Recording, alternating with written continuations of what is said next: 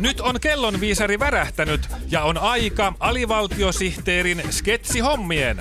Päivän virallinen sketsihetki sytyttää kuulijan kuumaksi. Suomen virallinen ohjelma. Sketsinautinto molemmille korville.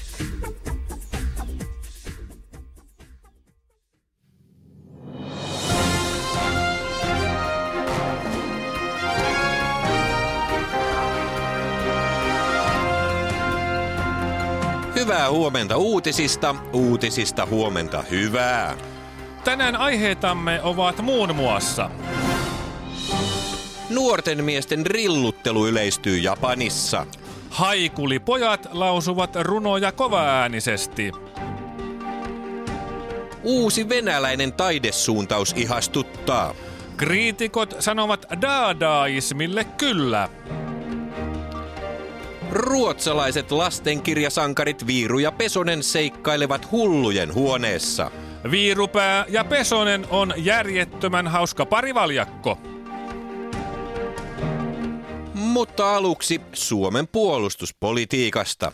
Valtaosa suomalaisista kannattaa vanhojen Hornet-hävittäjien korvaamista uusilla hävittäjillä. Hävittäjätoimittajamme Einomies Porkkakoski on tällä hetkellä Suomen ilmatilassa ottamassa selvää Suomen hävittäjätilanteesta. Einomies, millaiset ilmat siellä ilmatilassa on? Einomies Porkkakoski. En tiedä, sillä unohdin eilen illalla katsoa säätiedotuksen.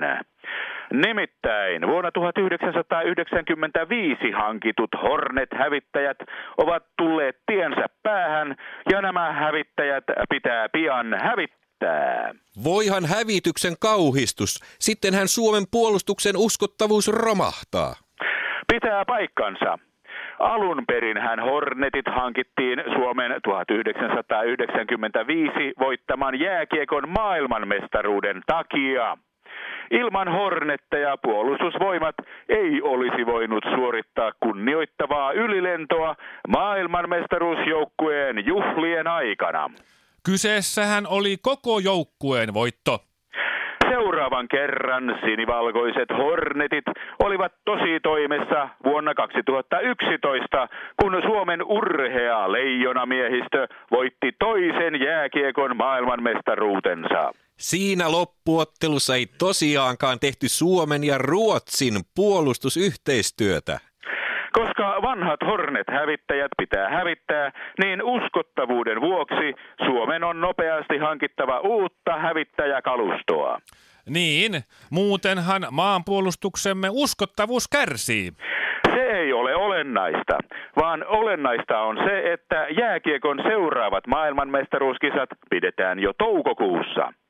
Jos meillä ei tuolloin ole uusia hävittäjiä käytössä, niin puolustusvoimat ei voi suorittaa ylilentoa Suomen kolmannen maailmanmestaruuden kunniaksi.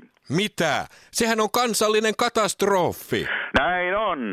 Mikään ei ole Suomen maailmanmestaruuden tiellä paitsi alkusarjan pelit, puolivälierät, välierät ja loppuottelun tulos. Eli Hornetteihin satsaaminen on kullan arvoinen sijoitus Suomelle. Siten on siniviiva täältä tähän.